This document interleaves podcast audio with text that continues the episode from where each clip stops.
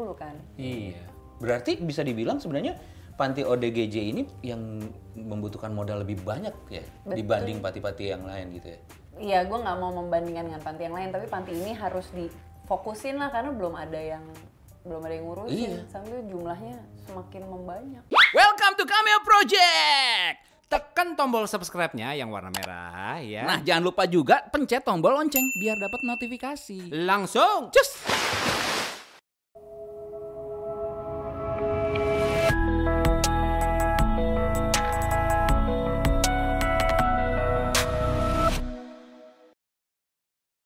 Oke.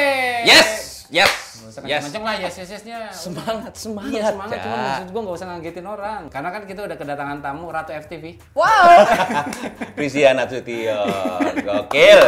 tahun berapa itu? Itu udah lama ya, itu FTV loh. Ada momen-momen di mana setiap FTV pasti mukanya dia. Betul. Sama-sama kalau cowok tuh siapa? Benjo. Eh Ben Ben Joshua, Joshua, Ben Joshua. Ben Joshua.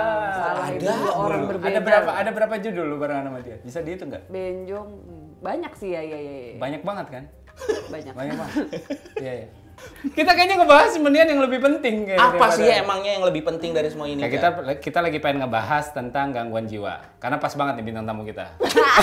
maksudnya gimana? Saya menangani gangguan jiwa. iya. Oh, Gangguan jiwanya ke sini. Bukan dong.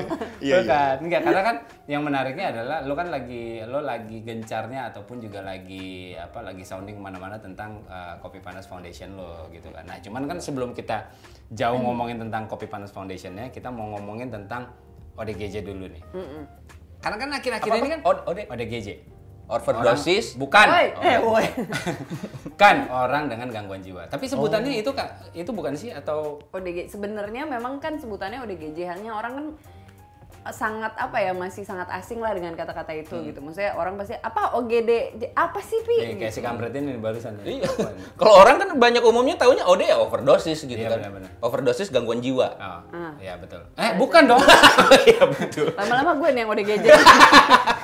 bukan itu dong. Berarti orang dengan gangguan Gangguan jiwa. jiwa. Karena dulu Oke. kan kayak Oda, Ohida itu kan juga orang masih Iya, apaan masih sih, apa. apaan sih gitu. Tapi karena Iya. terus di sounding jadi Ya. Nah, banyak banget tiba-tiba kasus-kasus eh, mental health lah gitu orang tiba-tiba yang depresi parah lah gitu. Apa eh, Mungkin catch up-nya ke- ketika film Joker keluar ya.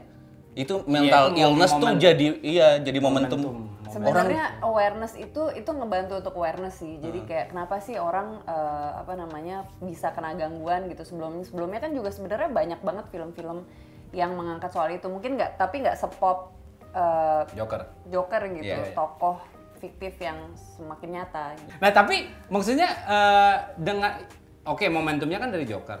Kalau misalnya lu sendiri gitu ngelihatnya itu kenapa orang bisa sampai kena depresi parah gitu? Maksudnya penyebabnya apa? Kebanyakan ya. Kayaknya kalau orang narasumber loh. orang orang kalau kalau gue lihat orang Ah, iya. awam orang orang awam tuh banyak disuguhkan dengan berita-berita yang depresi itu kebanyakan dari dunia entertainment sih. Iya nggak sih? Enggak juga sih, enggak juga. Ya walaupun ada ya ad- kalau misalnya di luar kan santer banget lah Robbie Williams eh Robin, Robin Williams, Williams. mereka tuh meninggalnya. kayak expose karena mereka selebriti gitu. Iya. Jadi Iya, mungkin ya. akhirnya semua dunia pada tahu gitu. Sebenarnya se- banyak banget kayak misalnya kalau sering main ke panti itu nggak ada sih artis tiba-tiba di panti gitu sih. Mereka dirawat di panti gitu. Public figure dirawat di panti kan juga jarang. Tapi Oh, iya. sebenarnya jumlah yang ada di panti tuh satu panti aja bisa ada yang 400 orang gitu. Dan Wah, jumlah dep- dan yang punya panti ini benar-benar kayak tadinya supir andong aja yang punya hati baik gimana ngurusin 400 orang itu baru satu panti jadi kayak banyak banget. Kalau dan kasusnya beda-beda. Lo ngelihat kebanyakan gara-gara apa? Apa sih yang menjadi pemicu maksudnya? Sebenarnya mungkin dari depresi-depresi ringan gitu kalau perempuan-perempuan setelah kita uh, dikit sedikit banyak survei itu masalah hati gitu. Itu tuh kayak udah pasti lah putus cinta ditinggal pacar Disakitin, dikawin ya. apa dihamilin terus ditinggal pergi iya, mau dijanjiin kawin nggak taunya cowoknya selingkuh yang gitu-gitu tuh majority kayak gitu kalau cewek. Urusan hati. Kalau cowok biasalah eksistensi diri gitu kan. Di PHK nggak punya kerjaan dianggap pengangguran gak ada gunanya yang gitu-gitu tuh banyak banget. Oh jadi sebenarnya nih sebenarnya justru masalah-masalah yang kita hadapi juga Yang gitu. semua Maksudnya orang alami bukan gitu ya. bukan bukan hal yang tidak kita hadapi, terus orang ini hadapi, akhirnya dia Depresi. jadi depresi. Iya. Enggak, ini kita pun juga mengalami gitu ya. Cuma Dan bedanya kita punya support system gitu, masih punya teman, masih punya Nah, saudara gitu. itu, itu, Kalau itu. misalnya enggak, mereka makin dikucilkan, makin abis itu ke jalan, di jalan juga makin dikatain oh orang gila, orang gila timpukin batu, makin self defense tinggi, makin Iya, iya. lah jadi. Tapi selama ini gue berpikiran kalau depresi itu tuh orang cuma orang-orang yang yang strata sosialnya tinggi aja sih. Jadi kayak nggak kepikiran kalau orang biasa itu bisa de depres gitu loh mereka. Justru, justru mereka tingkat depresinya lebih tinggi mungkin karena karena mereka mau kayaknya nggak punya susah, option mungkin kali kalau ya kan. nggak punya duit misalnya. Iya, nggak punya option itu. Bayar utang Iya. belum lagi. Dan apa eh, sebenarnya kan sebenarnya kan salah satu salah satu pencegahannya adalah dengan lu datang ke psikolog atau psikiater kan. Nah, ini pun juga kan masih dilihat tabu satu hal yang tabu banget gitu loh. Belum lu tabu, belum pun mereka. orang yang misalnya bawah tukang eh, tahu bulat depres mau ke psiko- eh, mau ke psikiater atau psikolog di charge-nya berapa harganya gitu kan pasti nggak mampu juga dong. Iya memang hitungan mahal sih ya hitungannya. Mm-mm. Jadi kemarin tuh sempat nanya-nanya adalah yang paling murah per jam itu 300 ribu gitu. Terus 300 ribu mungkin buat kalau misalnya buat yang nonton nih ah, bisa lah kita ngumpulin 300 ribu gitu. Tapi tadi gue juga sempat kepikiran sih banyak yang karena utang misalnya. Lo punya 300 ribu mendingan lo cicil buat bayar utang daripada Iya. ke Iya sih. psikolog anti depresi gitu kan. Iya sih. Banyak banyak eh, dari kita nih warga, warga masyarakat Indonesia yang beranggapan bahwa orang-orang yang men- eh, yang kena depresi berat itu adalah eh, penyebabnya karena roh jahat, karena kutukan gitu loh. Banyak yang masih menyangka hal-hal itu eh, ilmu-ilmu dan apa segala macam gitu. Akhirnya penanggulangannya adalah dipasung, dikurung, Bawa ke dukun. Iya, dibawa ke juga. Iya, iya. gitu. Jadi kan sedangkan kayaknya bukan bukan bukan itu intinya gitu kan.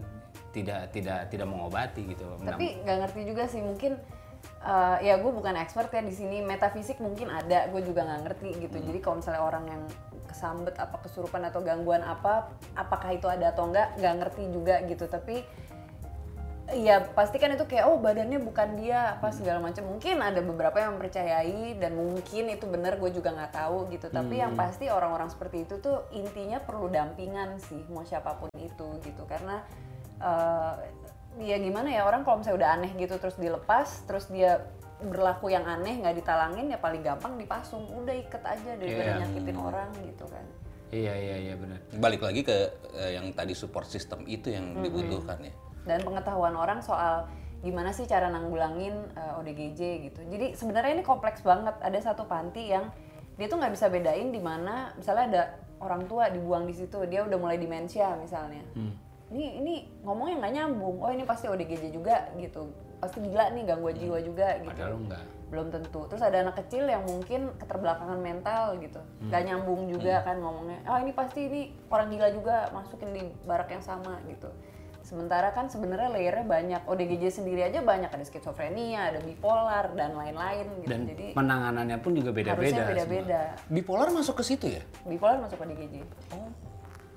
Iya iya. Gitu. Nah tapi kan nyatanya sekarang faktanya adalah kalau misalnya yang gue baca gitu ya, ODGJ di Indonesia itu ada 6 Berarti 14 juta. 14 juta itu data tahun 2018 ya terakhir. 2018. Dan setiap tahun tuh ada wacana katanya naik sa- eh, 5 sampai 7 persen. Dari jumlah penduduk Indonesia, apalagi habis pilkada pemilu ya. Wah banyak. Tiap tahun naik Dan ya. sedangkan dari dari berapa? Dari 14 juta itu. Jadi WHO pun juga sebenarnya kan eh, WHO Hu, hu, ya, ya benar. WHO pun juga kan eh, eh, menyarankan lah ataupun juga memberitahu bahwa harusnya eh, psikolog ataupun juga psikiater itu perbandingannya satu berbanding 30.000 ribu. Jadi kalau misalnya dari seluruh penduduk Indonesia paling nggak ada 24.000 ribu, eh, 24 ribu ya eh, psikiater ya, psikiater 24 ribu psikiater untuk Indonesia. Sedangkan yang kita punya adalah 600 sampai 800 doang. Ya. 600 sampai 800 dan 600 sampai 800 eh, psikiater itu 70 persennya ada di Pulau Jawa. 70 persen. 30% nyebar ke pulau-pulau lain. 30 persennya nyebar ke pulau lain. Dan dari 70 persen itu 40 persennya di Jakarta. Iya. Gitu. Jadi jadi masih pelayanan tentang eh, pelayanan dalam hal eh, gangguan jiwa ini masih minim banget sebenarnya di Indonesia. Hmm, sebenarnya pertama kali kenapa gue bikin bikin eh, yayasan yang isu utama yang kita mau angkat adalah ODGJ itu karena nah gue tuh di Bandung ketemu ada nih di pinggir jalan gitu kan kota besar ini gitu. Ini kan rambutnya udah panjang berarti gila ya udah lama dong kan? Iya, iya. kok nggak ada yang ngurusin gitu kan? Terus gue sambil jalan gue mau ngapain ya? Gue mau kasih duit nanti malah dia jadi korban eh, entah dirampas duitnya Iya, atau iya. korban kekerasan juga kan. Terus gue gimana ya bantuinnya ya? Gitu. Dan sementara ini orang butuh dibantu bukan yang nggak kelihatan loh. Terus Iya. jalan mobil gue terus habis itu gue yang kayak kok gue nggak ngapa-ngapain ya? Gitu. Habis itu gue mikir kayak iya juga ini mereka terus terus siapa yang ngurusin terus siapa yang hidupnya tuh gimana? Gitu. Akhirnya gue Iya. cari panti setempat apa segala. Kok susah nyari panti? Gitu. Terus gue nyari dinsos dinsos juga udah overload terus gue ngapain ini terus apa ya? Akhirnya itulah ke trigger gue pengen tahu lebih dalam. Dan ternyata di panti-panti ini masalahnya juga berat banget. Kebayang aja yang punya punya panti itu adalah orang-orang yang tadi gue bilang itu kan cuman berhati baik sementara bukan uh, orang menengah ke atas gitu. Jadi buat dia hidup kesehariannya aja mungkin masih Udah susah kurang. gitu. Heeh. Struggle ya. nah ini harus ngurusin ada yang 400 orang? 400 orang, 300, 200 orang gitu. Jadi yang yang gue pikirin sekarang adalah gimana caranya panti-panti ini bisa hidup gitu. Karena pernah nggak denger nyumbang yuk ke panti ODGJ gitu.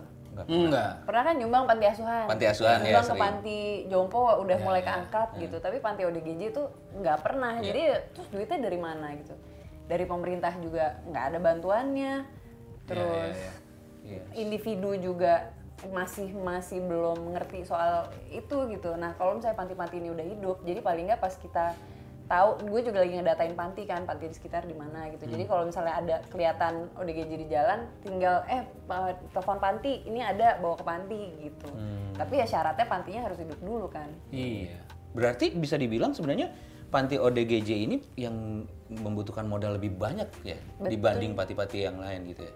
Iya, gue nggak mau membandingkan dengan panti yang lain, tapi panti ini harus difokusin lah karena belum ada yang belum ada yang ngurusin Iya. sambil jumlahnya semakin membanyak. Tapi memang mereka mereka eh, apa ada treatment obat yang setiap hari gitu atau Nah ini dia kalau di panti setiap panti yang gue datengin tuh ada beberapa panti yang udah aware sama medication gitu. Nggak apa-apa kita kalau ada yang mau ngasih obat pasti kita terima gitu. Hanya ada beberapa panti yang mereka kayak enggak kita nggak mau eh, obat-obatan gitu. Karena satu kalau kita mau datengin psikiater apa segala kan mahal ya tadi. Apalagi ngurusin berapa tuh jumlahnya tuh sebanyak itu gitu. Terus pernah ada yang ngasih ya udah nih dikasih satu bulk obat aja diminumin aja semuanya. Tidur tiga hari nggak bangun-bangun. Ya terus pengurus pantinya jadi kayak ini obat apa sih? Ini mereka malah tidur nih gitu Waduh. Tapi berarti nggak semua panti pun juga melakukan treatment obat itu ya? iya jadi ya itu masalahnya mungkin mereka sedikit banyak mau lah ada ada itu sebenarnya gini jadi pro kontra obat kan juga kita kalau obat semuanya juga kayaknya gue masih nggak tahu ya apa negatif downside-nya dari obat gitu sebenarnya mereka kan juga butuh kasih sayang butuh dirawat nah Support system yang tadi lo bilang Ah, itu ya jadi pengurus-pengurus panti ini benar-benar ngambil dari jalan, dimandiin, di apa. Jadi mereka berasa kayak, oh gue diurusin ya sedikit banyak itu kan pentingnya nggak terus-terusan dikasih obat. Tapi obat juga penting kalau dia lagi kayak apa nyerang banget apa segala baru-baru baru-baru masuk kan biasanya emang eh, karena di jalan sering ditimpukin apa segala defense mechanismnya kan Iya. juga kebuild kan. Nah makanya kalau orang tuh dipasung diikat aja gitu. Nah sementara obat itu bisa untuk menenangkan sementara. Dan sebenarnya belum lagi kita ngomongin soal penyakitnya, kita ngomongin soal stigma aja udah beda lagi Iya, gitu kan. iya. Stigmanya adalah ya udah orang gila jangan deket-deket apa segala Iya. gitu. Jadi sebenarnya awareness yang gue lakukan adalah setiap bulan gue tuh ke panti ODGJ dan interaksi sama mereka gitu. Jadi nggak ada sama sekali hal yang menyeramkan. Yang Maksudnya- ditakutkan selama ini sama orang-orang tuh nggak ada. nggak ada sama sekali karena mereka juga sudah bisa merawat dirinya sendiri paling nggak mandi udah bisa apa segala dan sama cuman kita kayak ngomongnya dimensi berbeda Iya, aja iya, iya, gitu. dan sebenarnya ini fakta lagi kalau misalnya mau datang ke panti ODGJ itu gue pernah bawa temen temen biasa gitu maksudnya yang dia pekerja kantoran biasa gitu. Terus gue bawa udah lo ikut gue aja. Hah ngapain sih? Udah ikut aja gitu. Akhirnya terus dia biasalah orang awam nanti kalau gue ketawa gimana ya? Menyinggung apa enggak ya? Gitu kan. Karena mereka tuh emang lucu ntar tiba-tiba apa realitanya beda. Lucu banget sih. Terakhir gue ke sana gue dipanggil Arman Maulana. Nah ya itu. Arman Maulana. Arman Maulana. Ya. Iya jadi sebenarnya tuh kayak ya itu orang umum kan kayak gue mau datang nanti kalau gue ngetawain gimana ya gitu. So, gue cuma bilang ya nggak apaan sih lo juga paling ntar diketawain Paling sama dia. bareng gitu. Iya, iya. Jadi Gue gue malah ngeliat kalau misalnya gue ngeliat Instagram lu malah kayaknya seru banget gitu. Ah, gue tuh di sana. setiap bener-bener hiburan gue tuh ke sana gitu. Jadi pulang abis itu gue tuh kayak refresh gitu. Lo nggak bakal di kalau di norma society biasa kan lo masih kayak, aduh ntar gue di dibilang aneh lagi atau apa Iya, gitu. iya. Nah, Ke sana lo bisa bebas lepas jadi diri lo sendiri karena lo nggak mungkin dibilang orang gila sama orang gila kan. Iya, iya, jadi bener, kayak bener, bener, bener, bener, bener, Bener juga. gitu. Lo Ah, matematikanya bener Iya iya iya satu tambah satu tiga ya kan? Iya. bener iya loh. Bener bener bener. Berarti ntar next kalau misalnya kita mau ke sana bareng Mau sama dong, lo ya. ayo dong, ayo banget. Tapi kan bukannya kalian punya apa eh, resto yang ada tempat suka nih. Asik kan? Asik kan? Iya, iya. Wow. Ya, jadi eh, apa eh, coffee shop kami ini jadi namanya Kopi Panas. Kopi Panas. Coffee and Eatery gitu. Kita bakalan buka di Maret ya. Maret. Bulan Maret ya, bulan Maret. Yayasan tadi ada Ada di atas. Ah, jadi di bawahnya itu eh, coffee shopnya, di atas itu yayasannya Pia.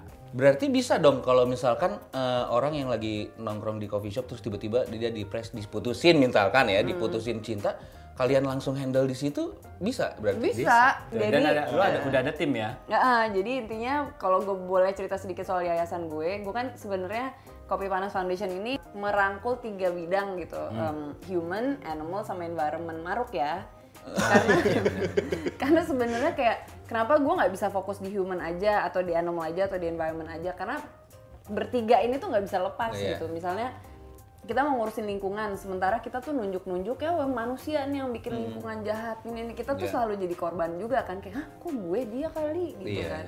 Gue nggak buang sampah kok jadi manusia, gue kena juga gitu kan. Betul. Sementara kalau gue di sini kita justru harus merangkul manusianya karena yang bisa nyembuhin alam ya manusia juga, yang bisa nolong hewan ya manusia juga gitu. Tapi sebelum kita masuk ke lingkungan sama ke hewan, manusianya dulu nih harus dibetulin gitu. Isu manusia apa aja sih sebenarnya yang yang lagi ini kan banyak banget yang belum keangkat ke permukaan. Nah tapi gue lihat isu yang sangat krusial dan belum kepegang adalah mental illness. Jadi kita ke mental illness dulu. Jadi nanti itu nantinya kopi panas tuh akan akan menaungi banyak hal yang sebenarnya belum keangkat ke permukaan tapi urgent gitu. Nah dengan adanya eh, apa namanya kafe kita ini, cie, udah, jadi ya nih. itu tuh kita sedikit banyak juga mau ngenalin soal isu-isu seperti ini tapi in a fun light way gitu. Iya. Maksudnya nggak yang dicekokin ini harus gini-gini gitu.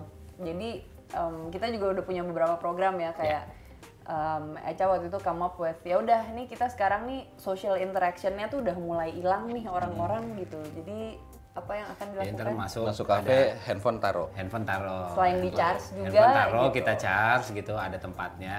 Kalian ngobrol-ngobrol. Kalau misalnya ngobrol-ngobrol, eh, setelah itu ntar kita kasih diskon gitu. Ada board games, ada apa ya Iya. kan kita sediain gitu. Pokoknya Menarik. membuat membuat lu ya udah lu masuk ke situ ya lu berinteraksi aja sama sama temen lu. itu salah satunya terus juga kayak sebenarnya tuh orang kan orang bingungnya kalau mau berdonasi tuh gue mau donasi tuh gimana ya? Apa harus nyemplungin ke kotak amal itu yang gue nggak akan tahu itu duitnya buat siapa? Banyak yang nanya gitu kan. Nah di sini tuh juga sebenarnya donasi tuh bisa dari segala jenis gitu. Kalau di tempat lain mungkin buy one get two coffee. Kalau di sini lo beli dua kopi cuma dapat satu. Karena yang satunya itu Buat- coffee untuk- for community. Iya, jadi iya, kayak iya. misalnya ada eh, apa pemulung lewat atau apa atau security mana gitu. Kayak mbak ada jatah kopi nggak? Ada gitu. Jadi intinya lo dengan beli kopi pun lo tuh bisa berdonasi juga gitu. Jadi mau apa ya ngenalin kalau lo mau jadi volunteer atau lo mau jadi mau berdonasi itu nggak sesusah yang lo pikir kok Jangan lu beli dua kopi aja lu paling enggak udah kontribusi lah. Iya betul betul betul. Ya, Nah, boleh. tapi kalian eh, yayasan kalian open for donation yang biasa transfer transfer biasa gitu, ada gitu ya? karena eh, sebenarnya gini kita nanti akan ada list panti juga atau apa kalau mau langsung silahkan hanya kalau nggak mau ribet bisa lewat kita juga gitu karena kita udah pasti setiap bulan tuh ada reportnya kita ke panti mana aja apa yang dikerjain apa segala macam itu it's all terbuka Oke. Di @kopipanas_foundation Itu boleh dia. di follow Instagramnya. ada juga kafenya Sendiri di langsung. Di at kopi di at kopipanas.coffee3. Oh iya, udah hafal ya. Udah dong. Eh itu di mana sih tempat kalian tuh? Di Bintaro. Tapi ya pokoknya itulah Jalan Kaswari. Kaswari. slash Raja Wali. Gak ada. Udah lu cari aja lah itu. lu Tapi kalau kayak Kopi Panas Foundation di Google Iya, udah. udah, udah, udah Tapi itu masih Jalan Raja Wali. udah tapi lu nyampe pasti. pasti lu nyampe. Pasti itu nyampe. Bintaro Itu sektor berapa? Sembilan. Sektor 9 ya, sektor Oh, 9. anak gaul Tangsel. Kira-kira ada pesan nggak untuk eh, dari yayasan kalian untuk orang-orang di luar ini biar lebih aware lah sama eh, ODGJ ini gitu loh. Sebenarnya mungkin sebelum aware sama ODGJ-nya yang mungkin buat mereka sedikit asing gitu ya, mendingan aware sama kesehatan mental kalian masing-masing dulu deh Hmm. gitu. Karena kalau kalian nanti jadi ODGJ nyusahin kita juga, jadi mendingan jadi nambah-nambahin. jadi Karena mendingan- udah full ya. udah Nanti panti full. itu udah udah masih 400. bingung nih ngurusinnya gimana jangan ditambahin dulu ya gitu. Jadi Iya, iya, iya. kesehatan mental kalian sendiri di, dipikirin gitu, jangan yang ah enggak kok gue nggak apa-apa depresi ringan atau misalnya sebagai temen jangan yang ah lo kurang ibadah doang lo rajin-rajin Iya, lo iya. ke gereja lo kurang sholat Iya, lo iya, gitu iya. padahal sementara itu lebih besar dari itu gitu Dan Jangan- kalau misalnya lo apa lo lo berpikir bahwa gue kayaknya butuh bantuan, ya Hmm. jangan ragu-ragu untuk datang ke psikolog ataupun Iya, juga jangan malu lah, psikiater gitu loh. Itu bukan satu hal yang tabu kok. Itu la- itu namanya langkah pencegahan gitu. Ya. Dan juga eh, tadi udah sedikit informasi yang mungkin udah keluar, gue jelasin Ya. lagi kalau keberatan banget ada di puskesmas nih Ya. sekarang tuh udah ada. Hampir semua puskesmas ya udah ada. ya. Mungkin belum semua tapi bisa dicek lah puskesmas kita rumah kalian nih udah ada belum layanan ini karena ke puskesmas itu katanya registrasi cuma 25.000 ribu terus udah gitu konseling cuma 30 ribuan gitu dan itu bisa langsung dapat penanganan cepat lah kalian gimana gitu karena sekarang kan memang kita belum terlalu ada hotline ya Iya. gitu itu nanti next stepnya gimana caranya tinggal phone call away eh, lo udah bisa langsung consult gitu itu nanti yayasan kita juga lagi godok gitu sih Oke sip. Oke, Pia, thank you banget. Thank you, Terima thank you banget ya. kasih. Good luck eh, untuk yayasan Eh, Kop- apa? Kopi? Panas Kopi Foundation. Panas Foundation-nya Ya, gitu. dan ngurusin apa Ngurusin apa? Kopi Panas Cafe Eatery-nya. Ya, ada kafenya Orang-orangnya? juga dan orang-orang ADGJ-nya juga. ADGJ Asik masih. udah. Ode, ODGJ. Ah, iya ODGJ. Lu bilang ADGJ. Kayak lagu zaman dulu pasti gue inget. Apa tuh? ODGJ. Hah, GJ. Asere. Oke, thank you ya, thank you udah nonton POV. Oke, baik.